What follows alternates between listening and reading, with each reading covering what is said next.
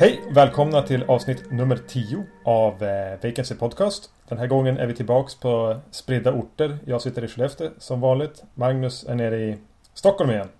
Ja. Det här är första gången som jag har känt någon form av stress att hinna se filmerna innan vi ska spela in. Jag såg eh, en av filmerna bara för just innan fotbollsmatchen. Mm. Det är väl så det blir när man går till att ha ett heltidsjobb helt plötsligt. Och ett fotbolls-EM att- titta på. För att, för att placera den här inspelningen i tid så såg vi alltså just Sverige förlora med 3-2 mot England. Och jag tror inte ens jag hade domaren hade hunnit blåsa klart i pipan innan jag liksom ställde mig upp och gick in och tänkte att nej nu spelar vi in ett avsnitt istället. Ja, Vi, vi drar ett streck över det där. precis. Lika bra att gå till nästa grej. Jag tänker lite grann på temat här som vi har Mm. eh, för det här avsnittet. Och eh, vi sa ju som att tidigare var väl temat att det skulle vara lite nytt. Men jag tänker det, det är ju faktiskt ett EM-tema på det här om man riktigt anstränger sig. Ja, go ahead. Eh, det är alltså det är ingen amerikansk film med. Utan det är en engelsk film. England är som vi vet med i detta EM. Eh, I den engelska filmen vi ska se så nämner de Irland. Irland är med i det här EMet. Eh, I samma film nämner de även eh, staden Kiev som ligger i Ukraina där EM spelas. Mhm. Och eh, den andra filmen vi ska se är från Italien som också är med i EM. Mm. Så vi har alltså ett EM-tema på det här avsnittet och ingenting annat. Ja, just det. Köper du det? Ja, jag vet inte. Men okej, visst. Du kan väl tala om vilka filmer det är vi ska se då? Eftersom jag inte gjorde det där. Ja, tack. Ja, jag ska försöka här då. Eh, vi, ska se, vi har sett uh, Ubaldo Terzani Horror Show från 2011. Och så har vi sett Kill List från 2011 också. Lite, två lite nyare filmer i alla fall. Ja, Varav den senare har varit ganska omtalad. Ja, precis. Ja, men vi valde väl ut de här lite grann på, på att någon slags eh, våran intressegrad från, från nya filmer gissar jag på. Jag hade sett om den här eh, ja, horror show-filmen. Eh, hade jag sett lite om eh, innan. Mest eh, på grund av att eh, de var så stolta över att Sergio Stivaletti hade gjort specialeffekterna till den. Och Killist har väl gått liksom något slags ärevarv på diverse festivaler över världen över. De blev ju kallad för den bästa brittiska skräckfilmen på många, många år. Mm. I alla fall sen The Descent eller någonting. Jag vet inte riktigt vad de har för skal. Nåja, eh, vi tänkte börja med den italienska.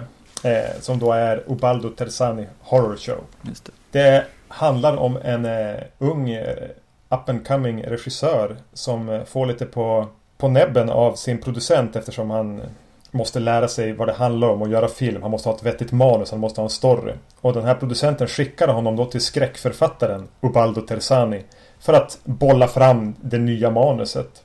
Men Ubaldo Terzani är en skräckförfattare som skriver väldigt realistiska våldsskildringar och realistisk skräck. Och det börjar nystas upp ett... Eh, ett, eh, ett sanningen börjar väl komma fram där det visar sig att... Eh, Kanske visar sig att denne man eh, har en lite oväntad inspirationskälla till hur han kan skriva allting så realistiskt. Mm. Eller oväntad och oväntad.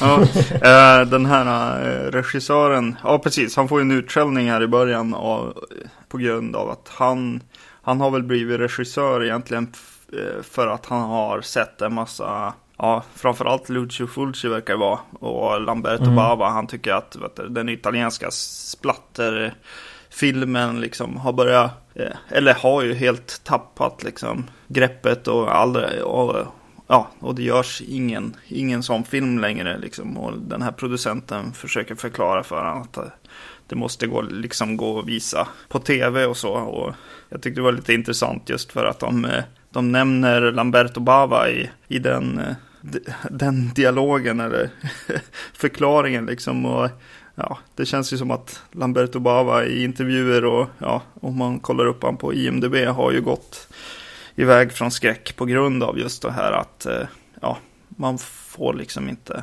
pengar eller liksom det finns inget intresse liksom av att göra dem längre. Precis. Det var just den, den dialogen som jag tyckte var... Den kommer direkt i filmen när de liksom beskriver vad som har hänt med den italienska genrefilmen. Som under 70, till viss mån 60, 70 och 80-talet ändå levererade ganska trygg leverans av exploitation genrefilm mm. av blandad kvalitet. Men att den nu verkar vara anpassad för att den även ska kunna sändas på tv. Ja. ja, den här regissören alltså. jag vet inte, det är ju att han, ja, han verkar ju verkligen vara en fanboy. Jag, jag förstår inte riktigt ens hur han eh, blir så, ja, får ens chansen liksom. när, han, när man kommer hem till honom så har han så här Giallo-affischer och ja, Lucio Fulci, ja, en jäkligt grym Lucio Fulci-tavla och, och eh, ja, massa så här små vykort och grejer ovanför sängen med så här skräcktema. ja, han känns väldigt mycket som en, en, en fanboy snarare än en regissör kanske. Vilket kanske liksom ja, leder oss in på filmen på något vis. Att han som har gjort den här filmen är ju i sin tur då regissör och, och manusförfattare. Och, eh... Det känns ju som att han har gjort en film om sig själv lite grann. Ja, man får ju den känslan i alla fall. Eh, ja, sen vet jag inte riktigt. Eller jo, det visar sig väl på IMDB om man kollar på vad han har gjort och sådär så har han ju gjort en del av de här lågbudget eh, grejerna. Vad heter den där? After Dark Horror ja, Fest. Precis. Och han hade gjort något som heter The Last House in the Woods. Som jag inte har sett. Och... Ja, men den titeln säger väl en del om, om att den här filmen på något vis, ja, den handlar om honom på något vis. Eh, jag, jag ser den, den beskriver liksom problemet med italiensk film numera. Att genrefilmen har dött för att de siktar på en annan publik. Jag vet inte om de siktar på att kunna visa det på italiensk TV väldigt mycket. Men jag skulle säga att den här filmen beskriver även det andra stora problemet med italiensk film numera. Som även har nästlats in i Dario Argentos filmer. Och det är ju den här jävla DV-looken. Mm. Alltså det ser, det ser, ut som att jag sitter och tittar på, vad heter typ Hem till gården. Ja. Ja, precis det tänkte jag på också. Just så här, okej, okay, om det är en film som kritiserar att skräcken har gått åt den här tv-produktionen, varför ser det då hela tiden ut som en tv-produktion liksom, eller ännu värre, ja. liksom, eh, hemma, hemma-video? Eh, eller ja, ja.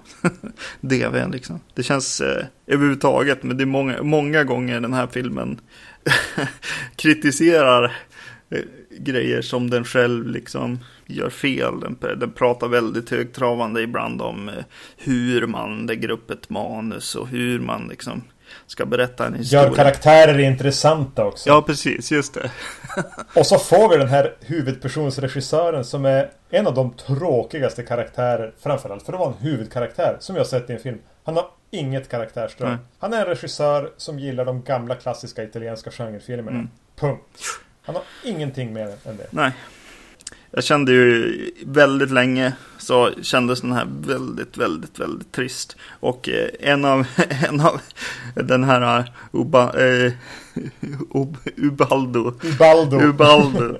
eh, han, han själv ska ju vara liksom den lite så här äldre, skumma vad det, författaren. Typ som, eh, jag, jag tänker ju på han i In the Mouth of Madness. Ah, ja, Sutter Kane-karaktären ja, där som skriver så intensivt att folk nästan blir påverkas fysiskt mm. av det. Och, och ja, eh, det händer ju de här karaktärerna att den här regissören drömmer liksom grejer hela tiden och vaknar upp från ja, Sergio Stivalettis effektsarbete liksom.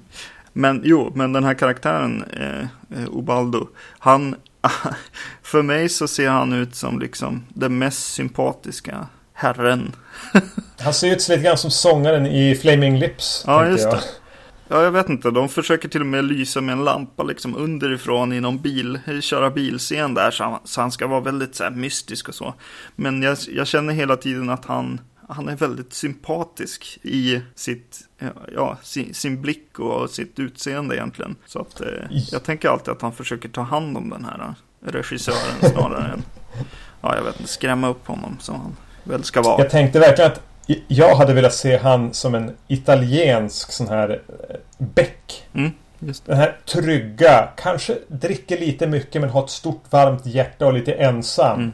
Som man kan lita på i alla lägen som man vet eh, är god och pålitlig. Den, jag håller med dig, han kändes väldigt, väldigt ja, varm. Ja. Och då fungerar det inte att han ska spela den här onda karaktären. Det spelar ingen roll att han drar på liksom onda boven-skrattet. Eh, han låter fortfarande väldigt, väldigt snäll. Nej, och så, ja, jag vet inte. för mig, jag började tänka på en annan film som är en liten, alltså det här ska ju vara någon slags hyllning till splatter, italienska splatter genren eller vad man ska säga. Fulci och, mm. och Bava och vad de, alltså Lamberto Bava och, och så vidare. Så då började jag tänka på en annan film som eh, vi båda har sett som heter eh, Amer. Ja, precis. Eh, som eh, också är en, en italiensk film, va? Eller är den det? Är den från? Italiensk eller fransk, fransk kanske? kanske den är. Eh, eh, gjord av ett par, tror jag. En eh, kvinna och en man som på något sätt har någon slags kärlek till giallo-genren. Ja, det är en giallo, giallo-fetisch va? Ja, precis. Ja, det är nästan, ja, de har någon slags fetisch. och eh, men de gör ju grejen att de hyllar ju det visuella. Ja, och känslan på något vis. Och gör en slags arthouse-film. Ja, men jag blir lite provocerad om det här nu är en eh, ung kille som älskar de här filmerna. Varför gör han inte sin variant av eh, Deep Red eller eh, The House by the Cemetery eller the Bla A Blade in the Dark? Varför gör han en slags film som kommenterar det och blir stentrist? För det är väldigt mycket dåligt spelade dialogscener. Han har ju inte brytt sig om att ge dem personregi. Vilket gör att han som spelar huvudkaraktären håller på att somna hela tiden av sin egen karaktärstristess. Och den mannen som spelar då Ubaldo Tersani. Eh, han har ju ingen aning om vad han ska göra. Mm. Han verkar helt vilse i sin karaktär. Även om den är kanske är lite roligare. Sen dyker det upp en del bikaraktärer som läser sina repliker innan till. Mm. Stryk det. Du kan inte det. Du är inte intresserad av att göra det. Gör en, en ordentlig eh, skräckfilm utan tyglar. Mm. Men det kanske å andra sidan är det han vill säga att man inte får göra i Italien längre i och med den här dialogen i början av filmen. Ja, just det. Ja, det vore ju att ta det hela vägen. Men det känns inte som att han gör det, utan han gör det. Han vill säga att jo, men jag, men jag kommer att göra en splatterfilm. Och visst, alltså, ja, det finns ju några scener så här, ja, där Stivaletti får liksom dra ut sina gamla tricks liksom och mm. ja. Men är inte... Okej, okay, Stivaletti levererar ju sina... Han har väl per, gjort perfektion i sina latexkonstruktioner vid det här laget. Mm. Men eh, det är väldigt oinspirerat regisserat och fotat mm. ändå. Det är bland annat en scen när en man ligger på ett golv och blir huggen upprepade gånger. Mm. Som är extremt dåligt iscensatt. Mm. Och då kommer det från en regissör som åtminstone jag vill tro ska vara intresserad av att göra bara de scenerna. Ja, jag blir väldigt provocerad egentligen av hur dåligt den är filmad. Om, mm. Ja, verkligen väldigt dåligt foto. Det är bland annat en scen, en dialogscen, när han helt plötsligt hugger in i en, börjar zooma. Ett jätteryck. När helt plötsligt zoomar in närmare karaktärerna. Extremt, extremt dåligt genomfört. Mm. Alltså jag, jag tappar hakan när de helt plötsligt i ett klipp, eh, vad heter han, regissören och manusförfattaren, eller nej, jag menar författaren. De står på varsin sida av varandra i ena klippet. Och så klipper de till en annan kamera och då har de bytt sida. ja, men de står på, på, på andra sidan blir... av varandra. Och eh, jag, jag bara tänkte på när vi, ja, vi har ju gjort några så här hobbygrejer när vi var små liksom. Och, ja, jag vet inte om vi var 13 eller 14 år när vi gjorde det. Den missen liksom. Sist. Nej, det är väldigt, väldigt, väldigt illa. Alltså den är ju dåligt klippt också. Ja. Det är flera gånger jag liksom så här tappa man kan nästan se pausen innan karaktärerna börjar agera ligger kvar i tagningarna. Ja. Och, och sen är det en specifik scen ja, det är två specifika scener jag vill ta upp. Mm. På grund av dess uselhet. Mm. Först är det en scen, han är regissören här, köper då några böcker av den här författaren och sätter sig och läser den här boken. Första boken sitter uppe under natten och läser den. Vilket de iscensätter genom att ett klipp på han som sitter och läser, ett klipp på månen. Ett klipp till han som sitter och läser, ett klipp på månen. Och så sitter han och försöker skådespela någon slags fascination av... Det är så och så här skämskudde dåligt. Det var i alla fall en kort scen. För den mm. andra scenen jag vill nämna i dess uselhet. Det var den här eh, scenen på en eh, fest. Den här Ubaldo tar med regissören på en fest för att liksom dricka sprit och, och, och ragga på kvinnor. För det första en fest i världens ljusaste och osexigaste lokal. Mm. Den är, jag vet inte, är uteställen så i Italien? I så fall så om jag någon gång hamnar i Italien så ska jag hålla mig på hotellrummet och bara vara ute dagtid. Sen tar den aldrig slut. Nej. Och sen dricker han en shot Mm. med Mm, alkohol det. och blir tokfull. Det blir så här suddigt Det bild. blir suddigt och han är inne och kräks på toaletten och, och liksom tappar nästan verklighetsuppfattningen. Återigen, italienare kanske inte vana sprit. Nej. Ja. Och sen får han en sån här scen som ska liksom visualisera hur full och desillusionerad han är när han går omkring Mm. där inne. Som är extremt ful. Och sen tar den aldrig slut den här scenen. Det kändes som att det var en halvtimme av filmen, vilket det förmodligen inte var. Nej. Men den tog aldrig slut. Nej. Eh, ja, det kom en punkt faktiskt. När jag kom eh, fram till varför jag var så, tyckte att det var så väldigt, väldigt trist. Och det var att, eh, en punkt där den faktiskt vände något sånär. Alltså den, den blir lite bättre mot slutet. Och det är för att Ja, den, ja, ja. Den, den, den hittar att just det, det ska handla om någonting. Och så, och så, och så gör de så här att de, eh, jo, och det som, som de gör det är att de introducerar en konflikt in i filmen. Vilket den inte har haft tidigare. Eh, och det är att den här eh, regissören har en flickvän som han har lämnat hemma när han eh, har åkt och ska skriva det här manuset med Ubaldo här. Och hon blir ditbjuden och har liksom börjat läsa de här böckerna och blir lite, ja, det blir liksom en konflikt mellan Ubaldo och den här regissören. Eh, En slags svartsjuketriangel. Ja, precis. Någon slags triangeldrama helt enkelt. Ja, och det är ju tur. Och det är då också de börjar presentera liksom lite så här hi- historia och liksom lite så här. De börjar berätta saker också. Och det här är en timme in i Ja, filmen det är en kanske. tim- Ja, precis. Det är verkligen mot slutet som det här händer. Eh, Den är en ganska kort film kan vi säga. Den är bara... Den är inte ens en och en halv timme. Eh, jag måste ändå... ja, det blev hemskt det här, men eh, hon hade presenterats för mig som... Eh, eh, hon hade fastnat i mitt huvud som den där tjejen med benen. Som... Eh, Ja. ja, långa bara ben. Eh, och när hon kom tillbaks i filmen så hade hon... hade hon kläder på sig och jag kan säga jag kände inte ens igen henne.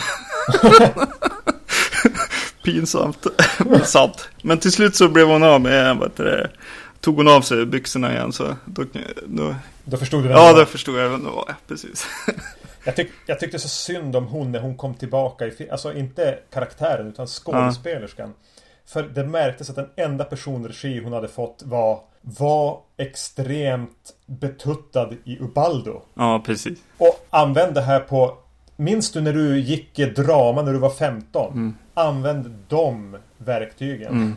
För hon lämnas verkligen ensam med att bara sitta och liksom fladdra med ögonbrynen och... Ja, ja, jag tyckte genuint synd om skådespelerskan. Och trots det har jag inte brytt mig om att kolla upp vad hon heter. Nej.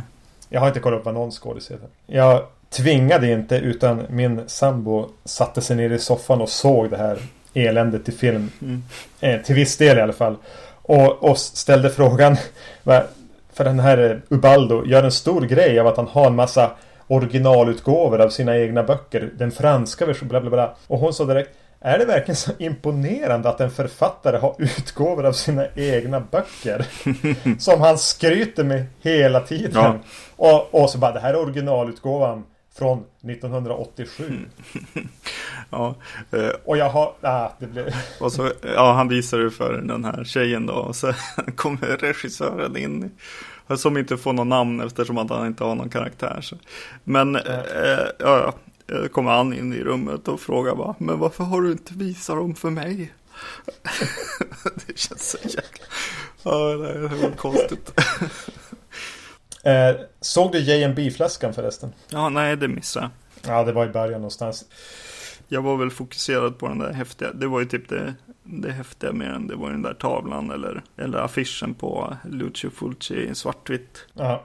Som var väldigt häftig. Eh, De visar också eh, klipp ur Cat, Cat in the Brain i den här filmen. Ja. Vilket ju på något sätt är hans, är Lucio Fulcis Umbaldo te, Terrasi. Eh, terra, Gud vad det var. Och den här filmen. Ska jag säga det? Ubaldo Terzani Terzani. Horror Show. Horror show. Ja, shit. Uh, jag gruvade mig medan vi valde filmen till och med. Och när jag såg den också. Oj, hur ska jag säga det här?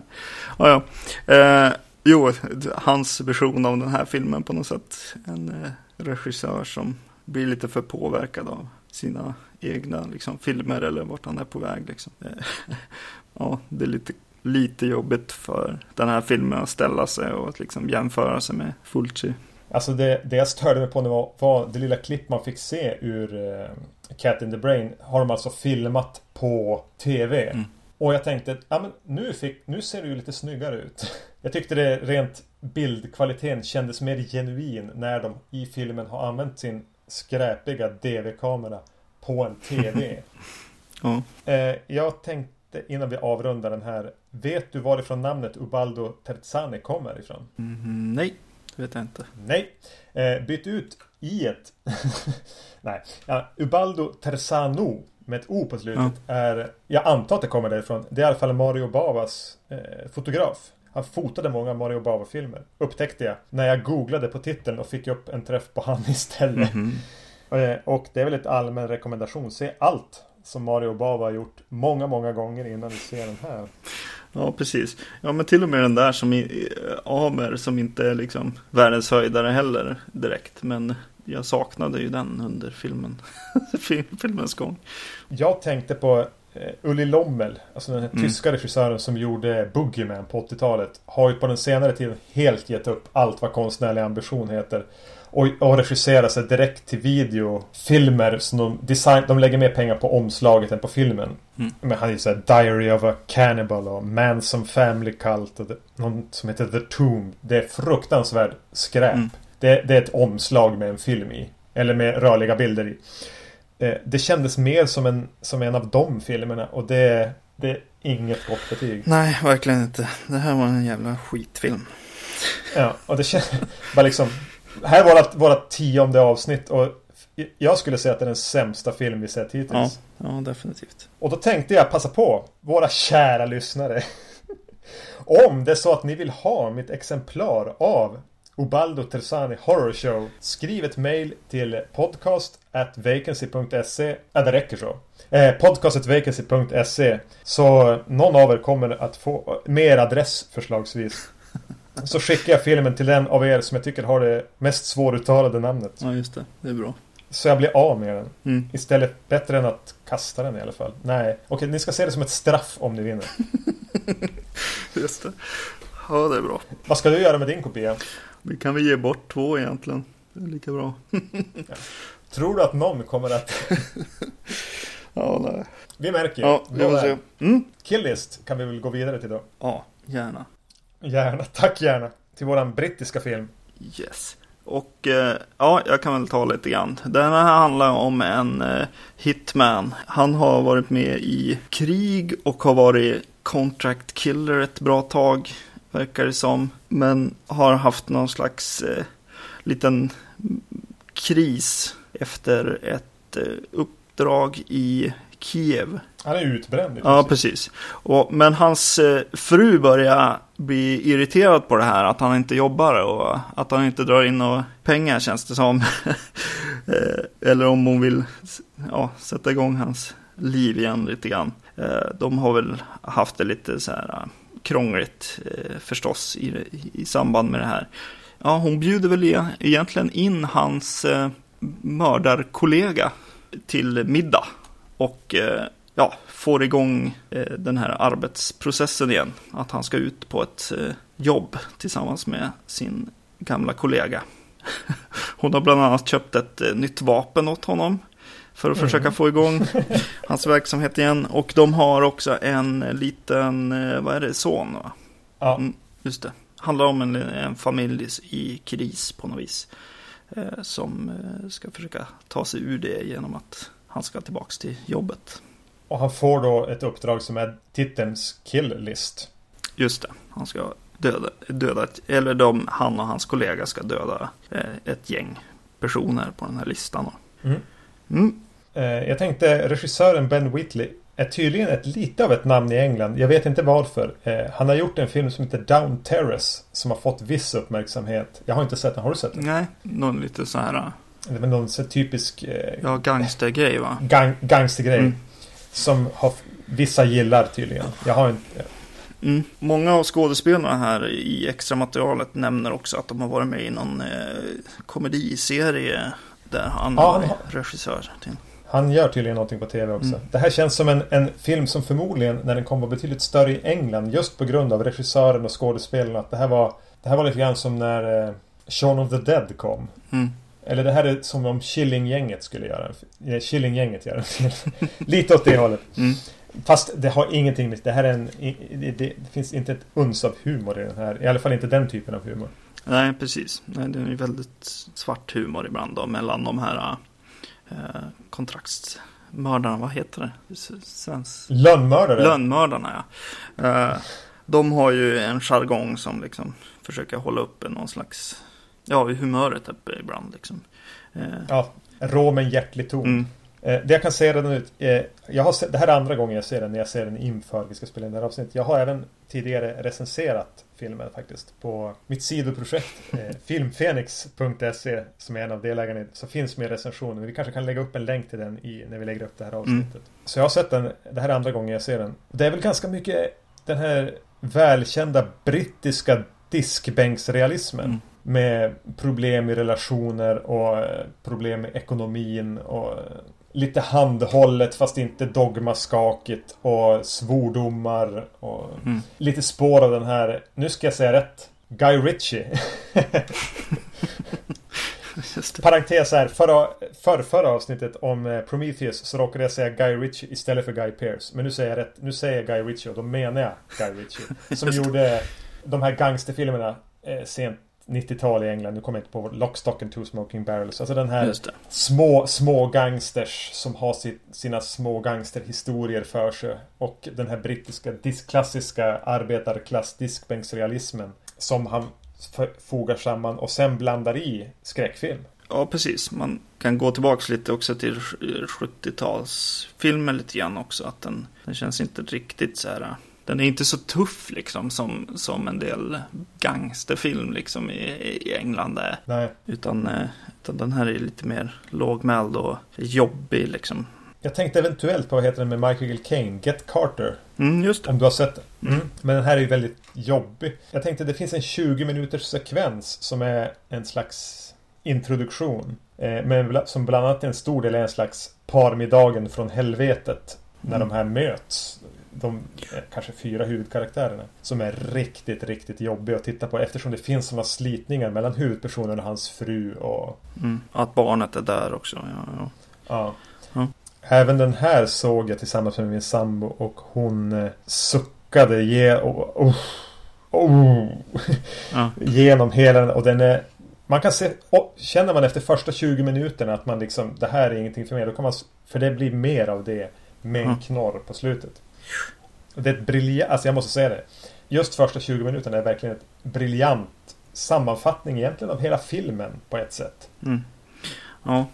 ja, det syns ju också att han är ju eh, en skådespelarregissör. Liksom. Han, han, ja, han får ju ut bra liksom, rollprestationer ur de här. Jag tyckte hans eh, ja, kollega här då var väldigt bra i, i sin Mm. roll som någon slags eh, stödkaraktär till både honom och hans fru. Och, ja, Alltså jag tycker ja, egentligen bra. alla skådespelare är Det är nästan prickfritt skådespeleri. Mm. Vilket man väl nästan kan förvänta sig av brittiska filmer. Det är sällan man blir besviken på skådespeleriet där i alla fall. Mm, absolut. Och en, vi har väl en svensk här också. Eller i alla fall Mm. svenskfödd tror jag. Hon eh, My Ann, vad heter hon? My Anna eh, eh, Buring. Ja, någonting sånt. Något sånt. Om jag skulle försöka få det till svenska. eh, och eh, Vart har du sett henne för? ja, hon är ju känd från, eh, eller känd från, men hon är med i The Descent. Spelar svensk eh, där också. Eh, det är egentligen bara några, några meningar hon säger där på svenska. Och i den här är hon också svensk inflyttad liksom till England förmodligen för kärleken känns det som. Så hon Mm. börjar ju, ja hon har en samtal med, med hemma om att ja, eventuellt flytta hem och sådär på telefon. Och, aj, det, är, det är jobbigt i början där. Pratar till och med om eh, Malmberget. Uppe Ja, i mörkaste Norrland. Att de skulle flytta dit, ja. Ja. Mm. Ja, det är lite svårt att prata om den här, men eh, den här mannen är ju helt klart eh, inte liksom redo för, att, för det här att gå tillbaka till jobbet på något vis. Han, eh, eh, han, tar, ja, han tar i lite för mycket vid de här morden och eh, Kanske gå in lite personligt i vissa. ja, precis. Och sen börjar det ju visa sig att det ligger någonting konstigt i just det här uppdraget. Mm. Det är inget vanligt uppdrag. Nej, personer i han, i, han börjar mörda börjar eh, verkar känna igen honom. Mm. De, Eh, och, och reagerar väldigt konstigt på att han söker upp dem och för att döda mm, dem. vilket ja, gör att han reagerar extra våldsamt. Vilket hans eh, polare inte riktigt uppskattar. ja, nej. Jag tänkte flika in det här nu innan. Håll din tanke. Eh, Det är en ganska svår film att prata om. För ju mer överraskad man blir av den tror jag är till dess fördel. Ja, nej, vi ska nog inte prata för mycket nej. Utan, Nej. men, men jag måste ändå säga att det finns en...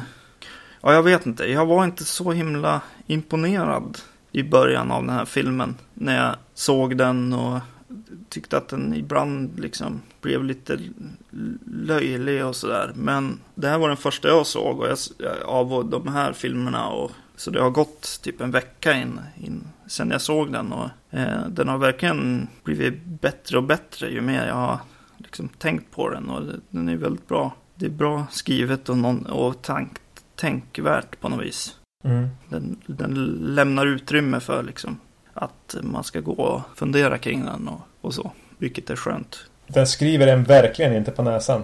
Nej, Den lämnar väldigt, väldigt, men ganska mycket öppet för tolkningar och, och det är en sån här film du kan sitta och prata om efteråt. mm. Vad var det och vad var det? Och... Jag såg det ju för andra gången nu och jag tänkte att undrar vad som händer när jag ser den igen. Om jag får samma upplevelse av den. Om, eh, och det fick jag faktiskt. Jag tyckte ungefär likadant om den nu som första gången. Vilket var lite intressant eftersom den ändå är en film jag tror... Tänk, jag tänkte när jag såg den första gången att man ska överraskas av. Mm. Men den, den fungerar precis lika bra att se igen. Mm. Den var nästan lite bättre andra gången. Eh, nu säger jag inte att jag tyckte att det här var en fantastisk film. Det, det, men det det är en väldigt Mm. stabil film. Ja, jag tänkte, ja, vi har, vi har som en liten lista med film vi eventuellt kommer att titta på och så. Den här filmen fick mig att tänka på två av de grejerna som ligger på listan. Och bland annat så har vi pratat om att vi eventuellt ska se lite film av en regissör som heter Ty West. Det känns som att den här filmen har lite av hans Liksom, han gör ju så här hyllningsfilm, men han gör det som det var på något vis. Om du förstår, hänger med. Ja, ja. Den, är inte så, den är inte så ironisk. Nej, precis. Han har snarare åkt tidsmaskin. Ja, precis. Så det känns, ja. Och så sen finns, eh, ja, egentligen, eh, det här kan vi väl säga, det har vi tänkt att ta nästa, nästa gång. Och det är att se Wickerman-filmer egentligen. Eh, Och jag tänkte... Wickerman och, och kompisar. Så egentligen, för- att summera, Ty West så här, kreativa liksom, och ganska, det känns nästan som att den är lite snabb. Det, eh, hetsig fly. gjord och liksom att de, att de skjuter, skjuter, heter det så, filmar snabbt scener, går vidare och alltså den rör sig liksom. Eh, Mm. på, vilket påminner om hans stil. Och, eh, och, och Wickerman för det här underliggande liksom. Det, det är en helt vanlig liksom, film, men det ligger någonting där som inte liksom. Det är något som inte stämmer och ja, ja och vad kan det vara och hela den biten med, med de filmerna och ja. Och så 70, 70-tals liksom känsla som man ändå känner av på något vis. Mm. Ja, det är egentligen min summering att Ty West har gjort Wickerman eller någonting. ja, sorry. I en perfekt värld så hade vi alltså först tittat på Wickerman och gjort ett Wickerman-avsnitt. Sen hade vi gjort ett Ty West-avsnitt och sen hade vi summerat de två avsnitten med att se Killist. Ja, just det. Något sånt. Om vi ska utgå från oss själva och inte från att Ty West gör Wickerman.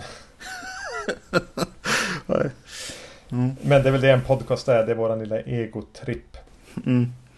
Nej, så den här filmen har helt klart växt på, på mig. Jag, jag var ganska negativ eh, när jag såg den. Alltså inte, alltså, inte så här alltså, att jag tyckte riktigt illa om den. Men jag, ja, det var någonting med, ja, något saknades. Jag kunde faktiskt, jag kan i efterhand inte riktigt ta på vad, vad, det kan ha varit. Den har verkligen växt och ja, ja, kanske inte minst för att vi såg den här andra filmen också. Eller jag såg den efter. Bara, ja, men... Allting växer om du ser Ubaldo Terzani Horror Show bredvid Ja, precis. Jo, men kanske att titta på liksom världen i övrigt eller tiden i övrigt. För det är ju lite det eh, som var tanken här, att vi skulle titta på liksom. Ja, men vad görs nu för tiden som ja, verkar lite intressant eller folk säger är intressant liksom.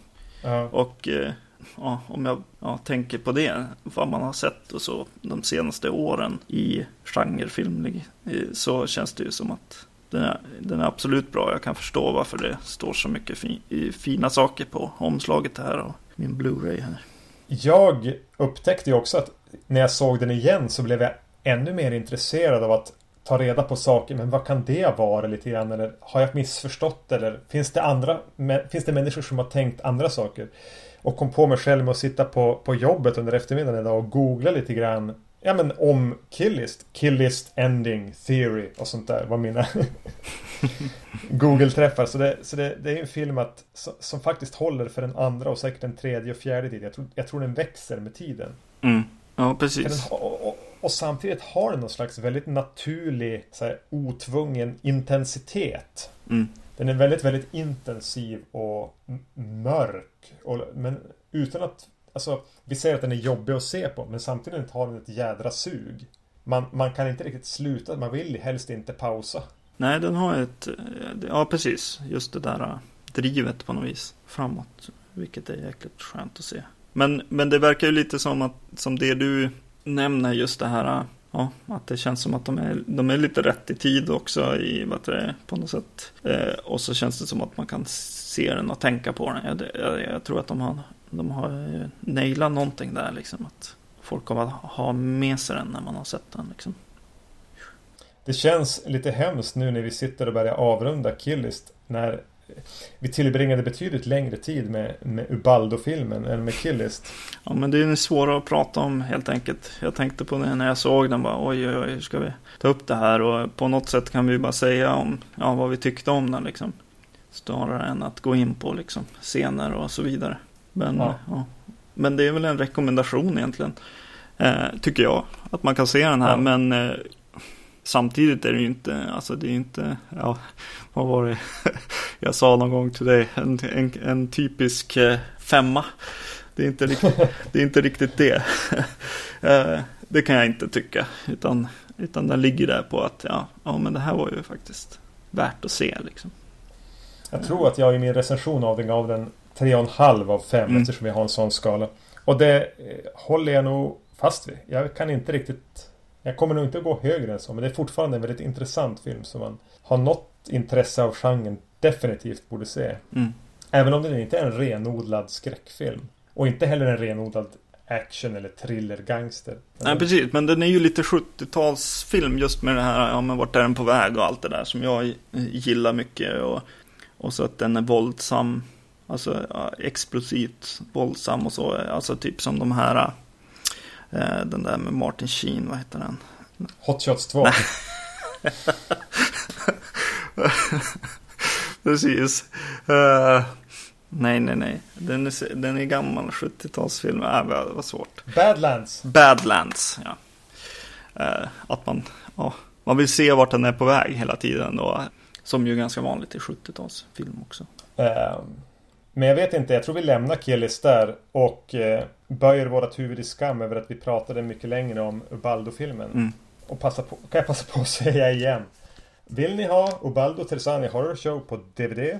Skriv ett mail till eh, podcastetvacancy.se Och gå in på vår sida vacancy.se Där ni kan likea oss så får ni information på Facebook. Eller skriva, något på våran hem, eh, skriva en kommentar på vår hemsida om vad vi vill att vi ska prata om eller vad ni tyckte om avsnittet. Och vi har redan varit inne på det men du kan väl berätta om att eh, återigen trycka på vad vi kommer att göra nästa gång. Ja precis, nästa gång har vi bestämt oss för att vi ska se på Wickerman-filmerna kan man väl säga. Vi ska se allt som, som heter Wicker någonting.